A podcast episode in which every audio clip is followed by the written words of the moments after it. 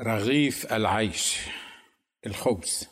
ما أصغر حجم رغيف العيش الخبز مهما اختلفت مكوناته من دقيق قمح أو ذرة كبر أو صغر في طوله وعرضه وحجمه أو تغير شكله. ما أصغره في كل حالاته بالنسبة لطول زمن بداية تواجده على الأرض وبالنسبة لمدى تأثيره على الفرد والمجتمع الإنساني والدولي. وتأثيره على الحكومات وخططها وميزانياتها وتأثيره على الشعوب واندلاع الانتفاضات والثورات والانقلابات وانتشار أعمال العنف والحروب والمجاعات. ولذا فقد استخدمه المخلصون والمغرضون البسطاء الطيبون والخبثاء المجرمون. استخدم كل فريق رغيف العيش لتحقيق أغراضه الشخصية والدولية. سواء كانت شريفة مخلصة في صالح الناس ولوجه الله تعالى فقط أو كانت غير شريفة وغير مخلصة تهدف لاستبعاد الخلق وإذلالهم والتحكم في مصائرهم وردود أفعالهم. ولا عجب أن كلمة خبز ومشتقاتها ذكرت أكثر من 300 مرة في الكتاب المقدس. والعجيب أن عمر رغيف الخبز يرجع إلى قديم الأيام إلى جنة عدن. وقت وجود آدم وحواء في الجنة وقبل سقوطهما في خطية عصيان ربهما سبحانه وتعالى. فمن الواضح من ذكر الحكيم العليم أن آدم كان يأكل الخبز في الجنة قبل سقوطه في خطية الأكل من الشجرة المحرمة حيث كان من بين عقاب الله الذي نطق به المولى سبحانه لآدم القول بعرق وجهك تأكل خبزا. حتى تعود إلى الأرض التي أخذت منها لأنك تراب وإلى تراب تعود. ولقد كان المولى تبارك اسمه عن كل ما كان يأكله آدم وحواء من أنواع الطعام المختلفة والفاكهة والخضروات وخبز بكلمة واحدة وهي الخبز. الكلمة التي نعرفها نحن المصريين بالعيش والتي تدل على الأهمية القصوى التي للخبز بالنسبة لنا. حتى أننا رأينا أنه يمكن اختزال عيشنا وحياتنا في الحياة الدنيا بكل ما فيها مما لا يحصى ولا يعد من أمور في كلمة واحدة وهي العيش. وأطلقناها على الخبز. ليس إلا.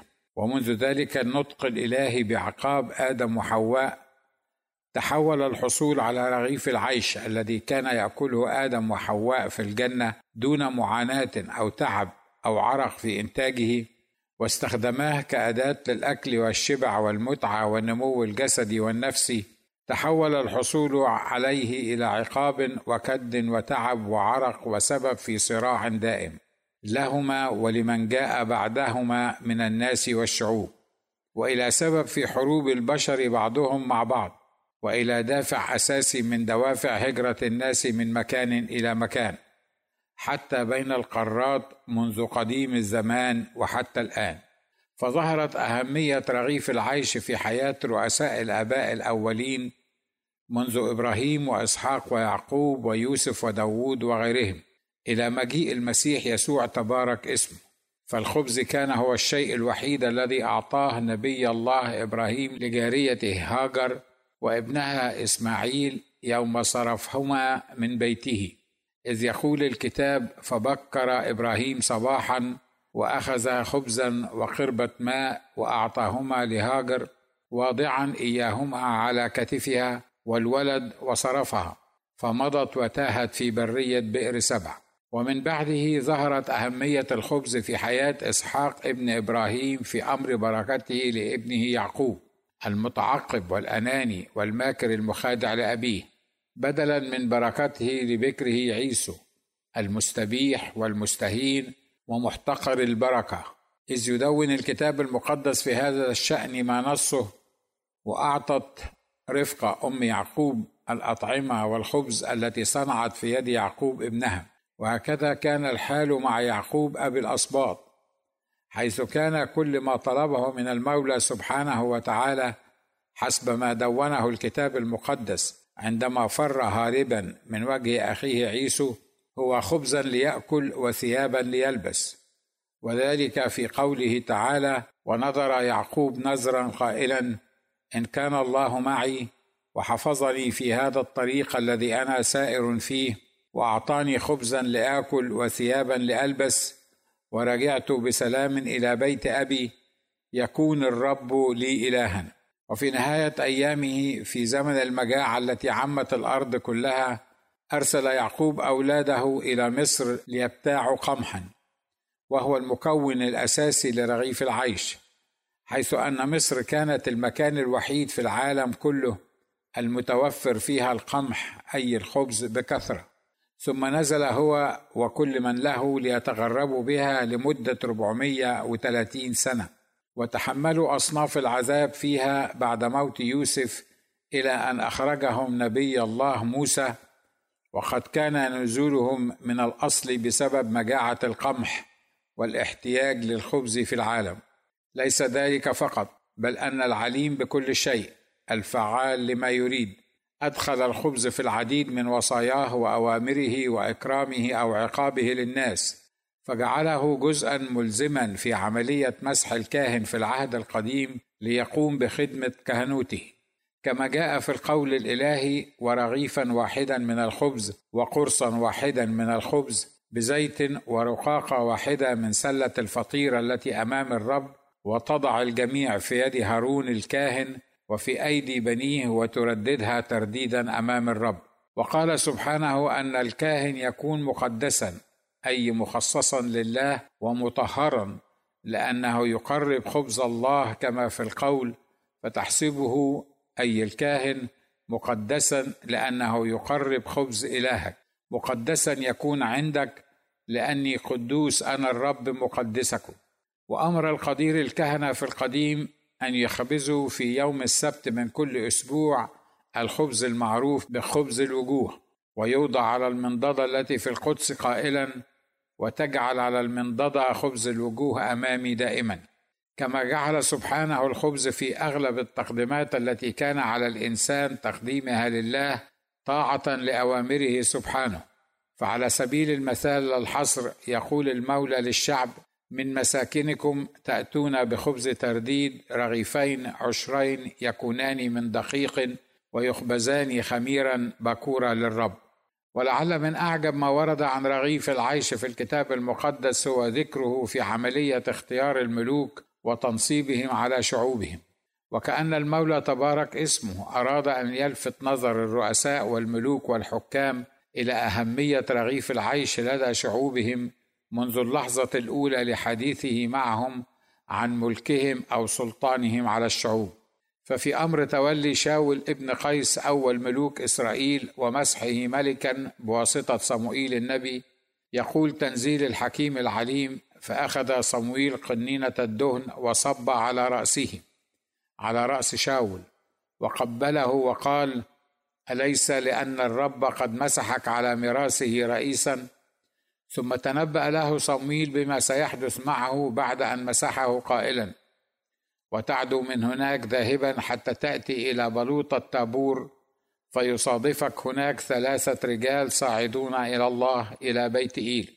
واحد حامل ثلاثة جداء وواحد حامل ثلاثة أرغفة خبز وواحد حامل زق خمر. فيسلمون عليك ويعطونك رغيفي خبز فتأخذ من يدهم. وهكذا كان الحال إذا ما أراد الله أن يعاقب شعبه أو أي من شعوب الأرض وغضب عليهم لشرهم وعصيانهم أنه يحرمهم من رغيف العيش. ففي عقابه تعالى لعالي الكاهن بإنهائه كهنوته وإقامة صموئيل عوضا عنه قال له ويكون أن كل من يبقى في بيتك يأتي ليسجد له للكاهن الجديد لأجل قطعة فضة ورغيف خبز. ويقول ضمني إلى إحدى وظائف الكهنوت لآكل كسرة خبز. وعندما أرجع داوود الملك الثاني على إسرائيل بعد شاول تابوت الرب إلى خيمته في مدينة داوود بارك داوود الشعب وقسم على جميع الشعب على كل جمهور إسرائيل رجلا ونساء على كل واحد رغيف خبز وكأس خمر وقرص زبيب. ثم ذهب كل الشعب كل واحد إلى بيته. أفلا يدلنا هذا الفعل من الملك داود على أهمية رغيف الخبز أو العيش لدى كل الشعب؟ الغني منهم والفقير القادر على شرائه والحصول عليه بطرق مختلفة وغير القادر على شرائه والحصول عليه بأي طريقة من الطرق؟ فهل حقا كان كل إنسان في الشعب يحتاج إلى رغيف الخبز الذي أعطاه لهم الملك داود في تلك المناسبة؟ أم أن هذا الفعل يدل على ما كان لرغيف العيش من أهمية في فكر الملوك والرؤساء وأيضا في فكر المولى تبارك اسمه. ولا شك أنه ليس هناك أهم وأخطر وأعظم من أن يستخدم الخبز كإشارة ودلالة على شخص المسيح يسوع نفسه تبارك اسمه. في كلا العهدين القديم والجديد للكتاب المقدس. وهذا يدل على أن رغيف العيش أو الخبز في فكر الله من الأزل وإلى الأبد كان وسيظل ممثلا لسيد الأرض والسماء الرب يسوع المسيح حيث أنه تبارك اسمه هو المصدر الحقيقي والوحيد لشبع الإنسان نفسا وروحا وجسدا. ولذا قال عن نفسه تبارك اسمه أنه هو خبز الحياة النازل من السماء والذي يأكله يحيا به إلى الأبد. فعندما حاوره اليهود فقالوا له فأية آية تصنع لنرى ونؤمن بك؟ ماذا تعمل؟ أباؤنا أكلوا المن في البرية كما هو مكتوب أنه أعطاهم خبزا من السماء ليأكلوا. فقال لهم يسوع الحق الحق أقول لكم. ليس موسى أعطاكم الخبز من السماء بل أبي يعطيكم الخبز الحقيقي من السماء لأن خبز الله هو النازل من السماء الواهب حياة للعالم. فقالوا له يا سيد أعطنا في كل حين هذا الخبز. فقال لهم يسوع أنا هو خبز الحياة. من يقبل إلي فلا يجوع ومن يؤمن بي فلا يعطش ابدا. هذا هو الخبز النازل من السماء. لكي يأكل منه الإنسان ولا يموت. أنا هو الخبز الحي الذي نزل من السماء. إن أكل أحد من هذا الخبز يحيا إلى الأبد. والخبز الذي أنا أعطي هو جسدي الذي أبذله من أجل حياة العالم. هذا هو الخبز الذي نزل من السماء. ليس كما أكل أباؤكم المن وماتوا. من يأكل هذا الخبز فإنه يحيا إلى الأبد. ولعله من الأهمية القصوى أن ننتبه إلى ما يلي ونحن نتكلم عن رغيف العيش. ألف الشعب أي شعب في أي دولة أو بقعة من الأرض يمكن أن يصيروا خدما أو حتى عبيدا لمن يعطيهم الخبز. وعلى النقيض فنقص الخبز وعدم توافره هو الشيء الوحيد الذي يركز عليه الإنسان ويجعله يصف حالته بأنه في مجاعة عند نقصه أو ندرته. ولذا فنقص رغيف العيش كان وسيكون دائما هو السبب الأول في ثورات الشعوب ضد قادتها وحكوماتها. وذلك منذ بدء الخليقة وحتى الآن. فأول ثورة قام بها بنو إسرائيل ضد نبيهم موسى كانت بسبب نقص رغيف العيش. يقول كتاب الكتب فتذمر كل جماعة بني إسرائيل على موسى وهارون في البرية وقال لهما بنو إسرائيل ليتنا متنا بيد الرب في أرض مصر إذ كنا جالسين عند قدور اللحم نأكل خبزا للشبع. فإنكما أخرجتمانا إلى هذا القفر لكي تميت كل هذا الجمهور بالجوع. فقال الرب لموسى ها أنا أمطر لكم خبزا من السماء. فيخرج الشعب ويلتقطون حاجة اليوم بيومهم لكي أمتحنهم أيسلكون في ناموسي أم لا؟ إن المطلب الشعبي الأعظم والأكبر من كل الحكام والحكومات في حالة الجوع ليس إلا أعطنا خبزا. ولعل هذا هو ما يحرك الشارع المصري وأي شارع في أي مكان وزمان. الخبز ثم الخبز ثم الخبز وليس إلا. فالشعب لا يصرخ حقيقة إلا لنقص الخبز حتى لو كان يملك الفضة لشرائه. ويصبح مجبرا على أن يضحي بالفضة في مقابل الحصول على الخبز. لكن الفضة لابد يوما أن تفرغ مهما كان مقدارها فيعود المرء إلى حالة الصراخ مرة أخرى للحصول على رغيف العيش كما حدث مع الشعب القديم في زمن المجاعة حيث صرخ الشعب لفرعون وضحوا بأموالهم ثم بفضتهم ثم اضطر الشعب أن يضحي بمواشيه التي كانت مصدر دخل ورزق ووسيلة للتنقل وخدمة له ولأرضه. ثم ضحوا بأرضهم وفي النهاية كان لابد لهم أن يضحوا بأغلى ما لديهم. أجسادهم وأجساد أولادهم وحريتهم. وطلبوا أن يصيروا عبيدا لفرعون في مقابل حصولهم على رغيف العيش. حيث لم تكن هناك يومها حلول أخرى. فالشعب جائع فقير عبيد لا يملكون من أمرهم شيئا. ولذا فهم غير قادرين على الثورة ضد فرعون أو التعبير عن رفضهم لحالة مصر يومئذ. شعب أعزل إذا ما عبر عن رأيه وسخطه وحاجته كان سيزج به في غياهب السجون. ولن يسمع صوته أحد حيث لم يكن لديهم فيسبوك أو أي من وسائل التواصل الاجتماعي. وبالتالي لن يمد لهم أحد يد العون ولم تكن عصابة الأمم المتحدة قد تكونت بعد ولا محكمة العدل الدولية ولا اليونسكو والبنك الدولي وغيرها. والحقيقة أن أخطر ما يمكن أن يضحي به الشعب هو حريته التي خلقهم المولى عليها ويقبل العبودية لفرعون وحكومته ولمشرعين أقل ما يقال عنهم أنهم أنانيون لا يهتمون برجل الشارع العادي ما داموا هم وعائلاتهم ينعمون بعيش رغد في حماية الفرعون الذي ولى عليهم يومئذ عبدا صغير السن غريب الجنس ومختلف الطباع. إذ يقول الكتاب ولم يكن خبز في كل الأرض لأن الجوع كان شديدا جدا فخورت أرض مصر.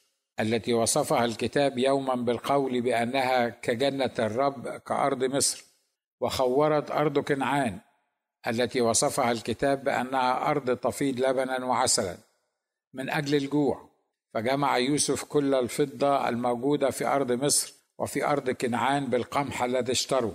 وجاء يوسف بالفضة إلى بيت فرعون.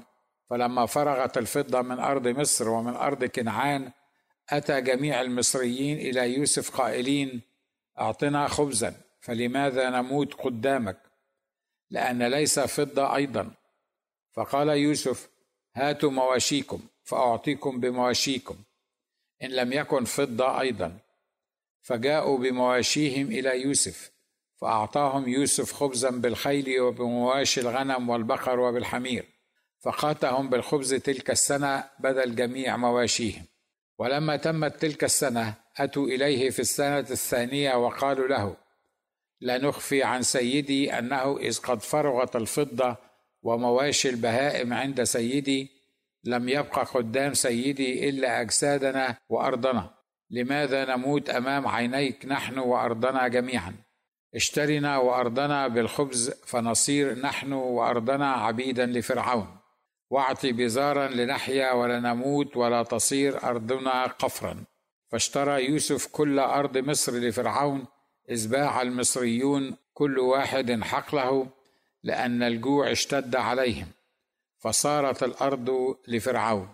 به الأمر الثاني الذي لابد من ملاحظته بكل دقة هو أن الخبز ليس فقط لملء البطون بل لتقويم وسند القلوب. لتستطيع أن تجتاز في برية هذه الحياة.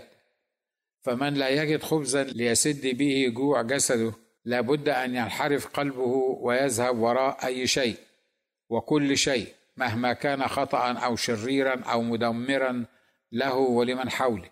ولقد عبر نبي الله إبراهيم عن هذه الحقيقة حينما جاءه الرجال الثلاثة الذين بشروه بغلام اسمه إسحاق. يوم أن كان كهلا وكانت امرأته عاقرا حيث يقول الكتاب فرفع إبراهيم عينيه ونظر واذ ثلاثة رجال واقفون لديه. فلما نظر ركض لاستقبالهم من باب الخيمة وسجد إلى الأرض. وقال يا سيد إن كنت قد وجدت نعمة في عينيك فلا تتجاوز عبدك. ليؤخذ قليل ماء واغسلوا أرجلكم واتكئوا تحت الشجرة. فآخذ كسرة خبز فتسندون قلوبكم ثم تجتازون لأنكم قد مررتم على عبدكم فقالوا هكذا تفعل كما تكلمت. جيم.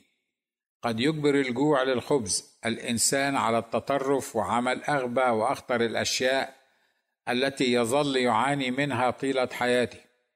تماما كما عمل عيسو ابن إسحاق أخو يعقوب أبو الاسباط عندما باع بكريته أي مكانته كبكر في العائلة. تلك البركة التي كان من الممكن أن يرثها عيسو والتي باعها بالخبز الذي حصل عليه من يعقوب. فيقول الكتاب فأعطى يعقوب عيسو خبزا وطبيخ عدس فأكل وشرب وقام ومضى فاحتقر عيسو البكورية. دال. وعلى الجانب الآخر قد يعيد الاحتياج إلى الخبز الإنسان إلى نفسه وعقله بعد انحرافه وعصيانه وتمرده على معيشته كما جاء بأحد أمثال السيد المسيح التي قالها لمن التفوا حوله في القديم. جاء هذا فيما نطلق عليه مثل الابن الضال والذي تمرد على أبيه وأخذ ما يصيبه من مال قبل وقته وسافر إلى كورة بعيدة عن بيت أبيه وبذر ماله بعيش مسرف. واحتاج إلى الخبز واشتهى أن يملأ بطنه من أكل الخنازير والتي اضطر أن يعمل في حقولها ليأكل خبزا. وفي النهاية قال عنه كتاب الكتب وكان الإبن يشتهي أن يملأ بطنه من الخرنوب الذي كانت الخنازير تأكله فلم يعطه أحد. فرجع إلى نفسه وقال كم من أجير لأبي يفضل عنه الخبز وأنا أهلك جوعا. أقوم اذهب إلى أبي وأقول له يا أبي أخطأت إلى السماء وقدامك ولست مستحقا بعد أن أدعى لك ابنا اجعلني كأحد اجراك هه قد يستخدم الخبز في خداع الشعوب والآباء والناس جميعا كما خدع يعقوب أبو الاسباط أباه بموافقة والدته وتجهيزها له الطعام والخبز الذي أدخله إلى أبيه فظنه عيسو بكره فباركه. وفي ذلك يقول الكتاب وأعطت رفق أم يعقوب الأطعمة والخبز التي صنعت في يد يعقوب ابنها فأكل إسحاق مما قدم له يعقوب من الخبز وباركه. واو! من أخطر واهم الأمور التي يتحتم علينا الانتباه إليها أن الشخص الأمين في دوافعه والحكيم في تصرفاته والممتلئ من روح الله هو وحده القادر على حل مشكلة نقص ودعم رغيف الخبز من عدمه وهو الذي يؤتمن على كل ما في الدولة أو البيت وهو الذي يترك له الشعب حرية التصرف المقنن لكل ما يعمله في موضعه القيادي ويأتمنه على اتخاذ القرارات حتى التي تتعلق بأهم ما في حياتهم أي رغيف العيش. وهذا عين ما حدث مع يوسف ابن يعقوب عندما نزل عبدا إلى مصر. فلقد ذكر عنه تنزيل الحكيم العليم الكتاب المقدس وأما يوسف فأنزل إلى مصر واشتراه فطيفار خصي فرعون رئيس الشرط رجل مصري من يد الإسماعيليين الذين أنزلوه إلى هناك. وكان الرب مع يوسف فكان رجلا ناجحا وكان في بيت سيده المصري وراى سيده أن الرب معه وأن كل ما يصنع كان الرب ينجحه بيده. فوجد يوسف نعمة في عينيه وخدمه فوكله على بيته ودفع إلى يده كل ما كان له. وكان من حين وكله على بيته وعلى كل ما كان له أن الرب بارك بيت المصري بسبب يوسف. وكانت بركة الرب على كل ما كان له في البيت وفي الحقل. فترك كل ما كان له في يد يوسف ولم يكن معه يعرف شيئا إلا الخبز الذي يأكل. والعجيب والذي أثق فيه هو أن مسألة دعم ثمن رغيف العيش قضية شائكة وخطيرة تواجهها كثير من بلدان العالم اليوم. إلا أنه يبدو لنا كمصريين أن أرض مصر هي وحدها التي تشكو من نقص رغيف العيش. وتشكو من التلاعب في إنتاجه ووصوله لمستحقيه فقط ومن غلو ثمنه إذا ما تم رفعه وتختلف قياداتها بعضهم مع بعض حول مسألة رفع سعر رغيف العيش من عدمه مع أن كتاب الكتب الكتاب المقدس قال عن مصر في سني الجوع التي اجتاحت جميع بلدان العالم في القديم وابتدأت سني الجوع تأتي كما قال يوسف فكان جوع في جميع البلدان وأما جميع أرض مصر فكان فيها خبز. فما الذي حدث وما الذي تغير حتى تصبح مصر هي الدولة التي تشكو من سعر رغيف الخبز بعد أن كانت الدولة التي تمد العالم كله بالخبز؟ هل لأنه لا يوجد الفرعون الذي يحذره المولى تبارك اسمه سواء من خلال حلم أو من خلال مستشاريه أو وزرائه؟ من أن هناك احتياجا اساسيا وملحا لرغيف العيش للفئة الفقيرة من الشعب الفقير أم لأنه لا يوجد في دولة الفرعون يوسف الذي يمكنه أن يتصل بالسماء ويستطيع أن يأخذ من ربها سبحانه مباشرة حلولا لمشكلاتها وخاصة المتعلقة برغيف العيش. أم أن هناك يوسف وربما أكثر من يوسف في مصر لكنه محبوس في السجون على اختلاف أنواعه بسبب أنه يريد أن يحيا أمينا ولا يصنع الشر العظيم ويخطئ إلى الله كما كان يوسف ابن يعقوب. أم أنه لا يوجد حول الفرعون من ينبهه أن هناك على الأقل مسجونا واحدا في دولته لسبب أو لآخر. به روح الله القدوس مسجونا القي في سجن مصر بأمر من وزير داخليته كما حدث مع رئيس سقاط فرعون يوسف والذي قال له عن وجود يوسف في السجن وقال أنه وحده هو الذي يستطيع أن يشير عليك يا سيادة الفرعون كيف يمكنك أن تجعل مصر ومن فيها ليس فقط يشبعون من الخبز بل ويفضل عنهم ويكونون سبب شبع لبلدان العالم كله أيضا. لقد فطن الفرعون بعد تفسير حلمه بواسطة يوسف في القديم أن مشكلة القمح ونقص الخبز في مصر القديمة هي مشكلة روحية وليست فقط مشكلة زراعية أو مائية بالدرجة الأولى. ويبدو هذا من أن مشكلة نقص رغيف العيش والمجاعة الآتية إلى مصر جعلت الله نفسه سبحانه يتدخل ويبلغ الفرعون بما سيحدث في مصر. ولذا فطن الفرعون أنه لا يمكن حلها إلا بتدخل الله وحده لإنقاذ مصر في وقت المجاعة من خلال رجل به روح الله على حد تعبيره. ولم يخجل الفرعون أو يستكبر أو يستنكف من أن يلجأ إلى يوسف ويسمع منه حل مشكلته التي أعلنها له الله في حلمه وهو شاب في الثلاثين من عمره. جاء إلى مصر عبدا ثم أصبح سجينا وهو غريب الجنس عن مصر والمصريين ولم يخجل الفرعون من أن يوليه على كل أرض مصر وعلى كل المحيطين به من المسؤولين المصريين. الأحرار وليسوا العبيد كبار السن والمكانة والخبرة من رجال البلاط الفرعوني وليسوا من صغار السن ممن لا خبرة لهم في إدارة شؤون البلاد. لأن السبب الأول والرئيسي في عقل فرعون كان هو إحساسه بالمسؤولية تجاه مصر وشعبها واستعداده لعمل أي شيء وكل شيء ينقذه وينقذ بلاده من الاحتياج لرغيف العيش. ففي ذلك يدون الكتاب المقدس عن فرعون بعدما فسر له يوسف حلمه فقال فرعون لعبيدي هل نجد مثل هذا رجلا فيه روح الله؟ ثم قال فرعون ليوسف بعدما أعلمك الله كل هذا ليس بصير وحكيم مثلك. أنت تكون على بيتي وعلى فمك يقبل جميع شعبي إلا أن الكرسي أكون فيه أعظم منك. ثم قال فرعون ليوسف انظر قد جعلتك على كل أرض مصر. وخلع فرعون خاتمه من يده وجعله في يد يوسف وألبسه ثياب بوص. ووضع طوق ذهب في عنقه وأركبه في مركبته الثانية ونادوا أمامه اركعوا! وجعله على كل أرض مصر. وقال فرعون ليوسف أنا فرعون فبدونك لا يرفع إنسان يده ولا رجله في كل أرض مصر.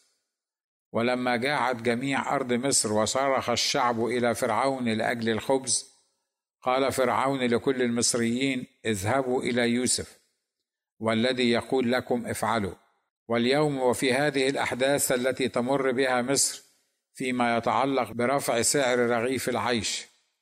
أقول لها ولرئيسها الذي أثق أنه رجل حكيم محب لشعبه وبلده وعلى استعداد أن يعمل أي شيء وكل شيء يمكنه عمله لرفع العبء عن كاهل محدود الدخل والمحتاجين لرغيف العيش. أقول له لا أنا بل الرب الإله. ألف. إن لديك في مصر أكثر من يوسف يمكنه أن يدلك من خلال روح الله القدوس على الطريقة التي تخرج بها من أزمة رفع سعر رغيف الخبز. فاطلب وستجدهم إن شاء الله من المستعدين. به وإن لم تكن على استعداد أنت ومستشاريك لمقابلة يوسف فتعالوا إلى رب يوسف. ربي وربكم المسيح يسوع فهو الذي قال عن نفسه أنه خبز الحياة كما سبقت الإشارة وهو الوحيد القادر على ملء أرض مصر بالخبز الوفير. وفي رأيي الخاص وحسب المنطق البشري السليم أنه ما من رئيس أي رئيس لأي بلد عاقل أو حتى لديه نصف عقل محب لشعبه ودولته يرغب في أن يرفع سعر رغيف العيش دون أن يكون مضطرا لذلك وهو لا شك يعمل لصالح شعبه ودولته ولا يمكن أن يكون ذلك خياره الأول وخاصة إذا كان من بين شعبه من هم غير قادرين بالفعل على شراء الرغيف بسعره الحالي قبل الرفع. فكم وكم بعد رفع سعره لكن في الوقت نفسه وعلى الجانب الآخر ما من رئيس عاقل أو نصف عاقل محب لشعبه ودولته يمكن أن يدعم رغيف العيش ليلتهمه القادرون على دفع أضعاف ثمنه عند شرائه ويتركهم يختطفونه ويلتهمونه من يد الفقراء والمعدمين والمحتاجين إليه أكثر من أي شيء آخر في حياتهم أو أن يترك هؤلاء القادرين على شرائه حتى بعد رفع سعره ليلقوا رغيف العيش المدعم لكلابهم التي يتباهون بامتلاكها أو لحيواناتهم التي يربونها ليبيعوا لحمها للقادرين على شرائها فتدر عليهم من المال ما لا يمكن أن يتخيله العقل البشري. لذا فلا بد من إيجاد حل لهذه المشكلة الدائمة المستمرة عند نقص تواجد رغيف العيش منذ أن خلق الله آدم وحواء وحتى يومنا هذا. جيم. أن الرب يسوع المسيح لكونه الفعال لما يريد والقادر في ذاته كالله الظاهر في الجسد هو الوحيد الذي يستطيع أن يشبع الجياع خبزا.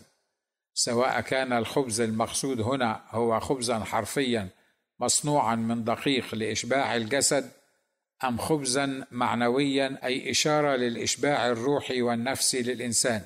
فالمسيح يسوع تبارك اسمه في خدمته بالجسد على الأرض هو الذي أشبع حرفيا وجسديا الخمسة آلاف رجل ما عدا النساء والأطفال بخمسة أرغفة وسمكتين ثم أشبع سبعة آلاف بسبعة أرغفة وسمكات قليلة. وهو أيضا من أشار إلى نفسه روحيا بأنه الخبز الحي النازل من السماء كما سبقت الإشارة. وبناء على الحقائق السابقة ووفقا للمنطق الإنساني السابق وحيث أنني لست خبيرا بحل مثل هذه القضايا المصيرية الحساسة الخطيرة فسأضع بعض الحلول لهذه المشكلة من وجهة نظري كمواطن مصري. واحد إن أولى خطوات الحل لمشكلة عدم الحصول على رغيف العيش هي في معرفة أن الله هو الوحيد القادر على حل هذه المشكلة وأنه وحده القادر حتى على أن يمطر الخبز من السماء لذا فالحل في منشئه هو الجالس على العرش سبحانه لا رئيس ولا مرؤوس مهما كانت قدراته وإمكانياته وحكمته وإخلاصه لشعبه ووطنه. وما الرؤساء والمسؤولون إلا منفذون لأوامره تبارك اسمه.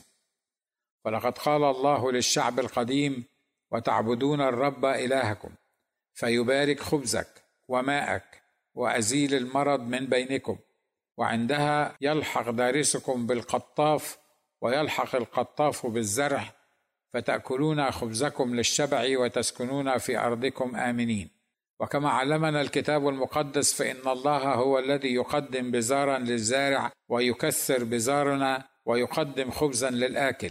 وذلك في قوله والذي يقدم بزارا للزارع وخبزا للآكل سيقدم ويكثر بزاركم وينمي غلات بركم ولذا فلا بد من الرجوع إلى الله سبحانه بتواضع وبتوبة من القلب وطلب وجهه والصفح والغفران منه. والصلاة له قائلين أبانا الذي في السماوات ليتقدس اسمك في مصر ليأتي ملكوتك على مصر لتكن مشيئتك في أرض مصر. خبزنا كفافنا أعطنا كل يوم نحن المصريين. واغفر لنا ذنوبنا كما نغفر نحن أيضا للمذنبين إلينا. ولا تدخلنا في تجربة لكن نجنا من الشرير. عندئذ سيسمع سبحانه من سماه ويغفر خطيتنا ويبرئ أرضنا. لقد قدم تلاميذ المسيح المثل الأعلى في التعامل مع الخبز وفي الإيمان وتطبيق المبادئ الإلهية الخاصة بالحصول على الخبز. والوارده في سفر الأمثال كمثل المشتغل بأرضه يشبع خبزا وتابع البطالين يشبع فقرا حيث لم يأكل أي من الرسل وتلاميذ المسيح تبارك اسمه خبزا مجانا أو مدعما من أحد بل اشتغلوا بتعب وكد ليلا ونهارا لكي لا يثقلوا على أحد لا دولة ولا رئيس ولا كنيسة ولا حتى صديق. ففي ذلك قال بولس ولا أكلنا خبزا مجانا من أحد بل كنا نشتغل بتعب وكد ليلا ونهارا لكي لا نثقل على أحد منكم. وقد أوصى الروح القدس الناس واعظا إياهم بفم بولس الرسول قائلا للذين لا يريدون أن يشتغلوا ليأكلوا خبزهم الذي لابد أن يتعبوا للحصول عليه فمثل هؤلاء نوصيهم ونعظهم بربنا يسوع المسيح. أن يشتغلوا بهدوء ويأكلوا خبز أنفسهم. اثنين لابد أن نعلم أن القدير قد يمنع تواجد رغيف الخبز عن يد وفم شعبه اليوم كما فعل مع شعبه القديم ليعلمهم أن الرب إلهك أذلك وأجاعك وأطعمك المن الذي لم تكن تعرفه ولا عرفه آباؤك لكي يعلمك أنه ليس بالخبز وحده يحيا الإنسان بل بكل ما يخرج من فم الرب يحيا الإنسان. ثلاثة لابد للمصريين وخاصة المسيحيين منهم المؤمنين بالمسيح يسوع تبارك اسمه أن يعلموا أنه إذا كان مكتوب أن ليس بالخبز وحده يحيا الإنسان بل بكل كلمة تخرج من فم الله إذا فلا بد ألا يعيش الأحياء فيما بعد لأنفسهم بل للذي مات لأجلهم وقام. والا يعيشوا لمجرد البحث عن الخبز ومحاولة إيجاده بايه وسيلة مشروعة أو غير مشروعة. فخبز الكذب لذيذ للإنسان ومن بعد يمتلئ فمه حصى. ولا ينبغي أن تدور دائرة حياتهم حول الحصول عليه وألا يكتفوا بترديد ما قاله لهم المسيح عندما علمهم أن يطلبوا منه فيما يعرف بالصلاة الربانية قائلين خبزنا كفافنا أعطنا كل يوم. فيرددوا هذه الكلمات مجرد ترديد بل أن يؤمنوا بها ويطبقوها في حياتهم بكل أمانة وإخلاص وإيمان. ويكون لسان حالهم ما قاله الحكيم في القديم أبعد عني الباطل والكذب لا تعطني فقرا ولا غنى أطعمني خبز فريضتي. فلو فعلوا ذلك فسيكون جواب الرب لهم يعطيكم السيد خبزا في الضيق وماء في الشدة ثم يعطي مطر زرعك الذي تزرع الأرض به وخبز غلة الأرض فيكون دسما وسمينا. وترعى ماشيتك في ذلك اليوم في مرعى واسع. أربعة. لابد أن نعلم أن من يكون في قدرته أن يعطي رغيف العيش لمحتاج إليه ولا يفعل وخاصة من شعب الرب يفعل الله معه ما قاله لشعبه القديم. لا يدخل عموني ولا مؤابي في جماعة الرب حتى الجيل العاشر. لا يدخل منهم أحد في جماعة الرب إلى الأبد من أجل أنهم لم يلاقوكم بالخبز والماء في الطريق عند خروجكم من مصر. أما أنت يا شعب الرب المتوكلين عليه العاملين أمره عند سماع صوت كلامه. والذين تعملون عملكم بكل جد وإخلاص ومثابرة وتعملون كل ما تجده أيديكم وتعملونه بقوتكم. فلا تخف ولا ترتع ولا تحتار إذا ما ارتفع سعر رغيف العيش. فالله لا يعدم وسيلة فهو يستطيع أن يبعث لكم. ليس خبزكم فحسب بل اللحم أيضا حتى مع الغراب كما فعل مع نبيه إيليا.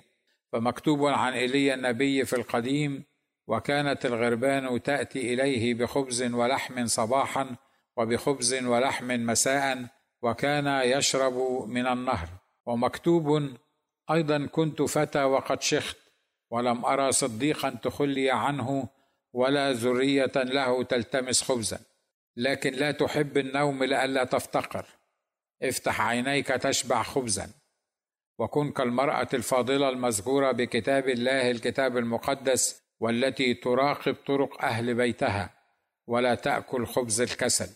واعلم أن الصالح العين هو يبارك لأنه يعطي من خبزه للفقير وأن عليك مسؤولية ليس تجاه أحبائك فحسب بل لابد لك من تتميم الأمر الكتابي إن جاع عدوك فاطعمه خبزا وإن عطش فاسقه ماء.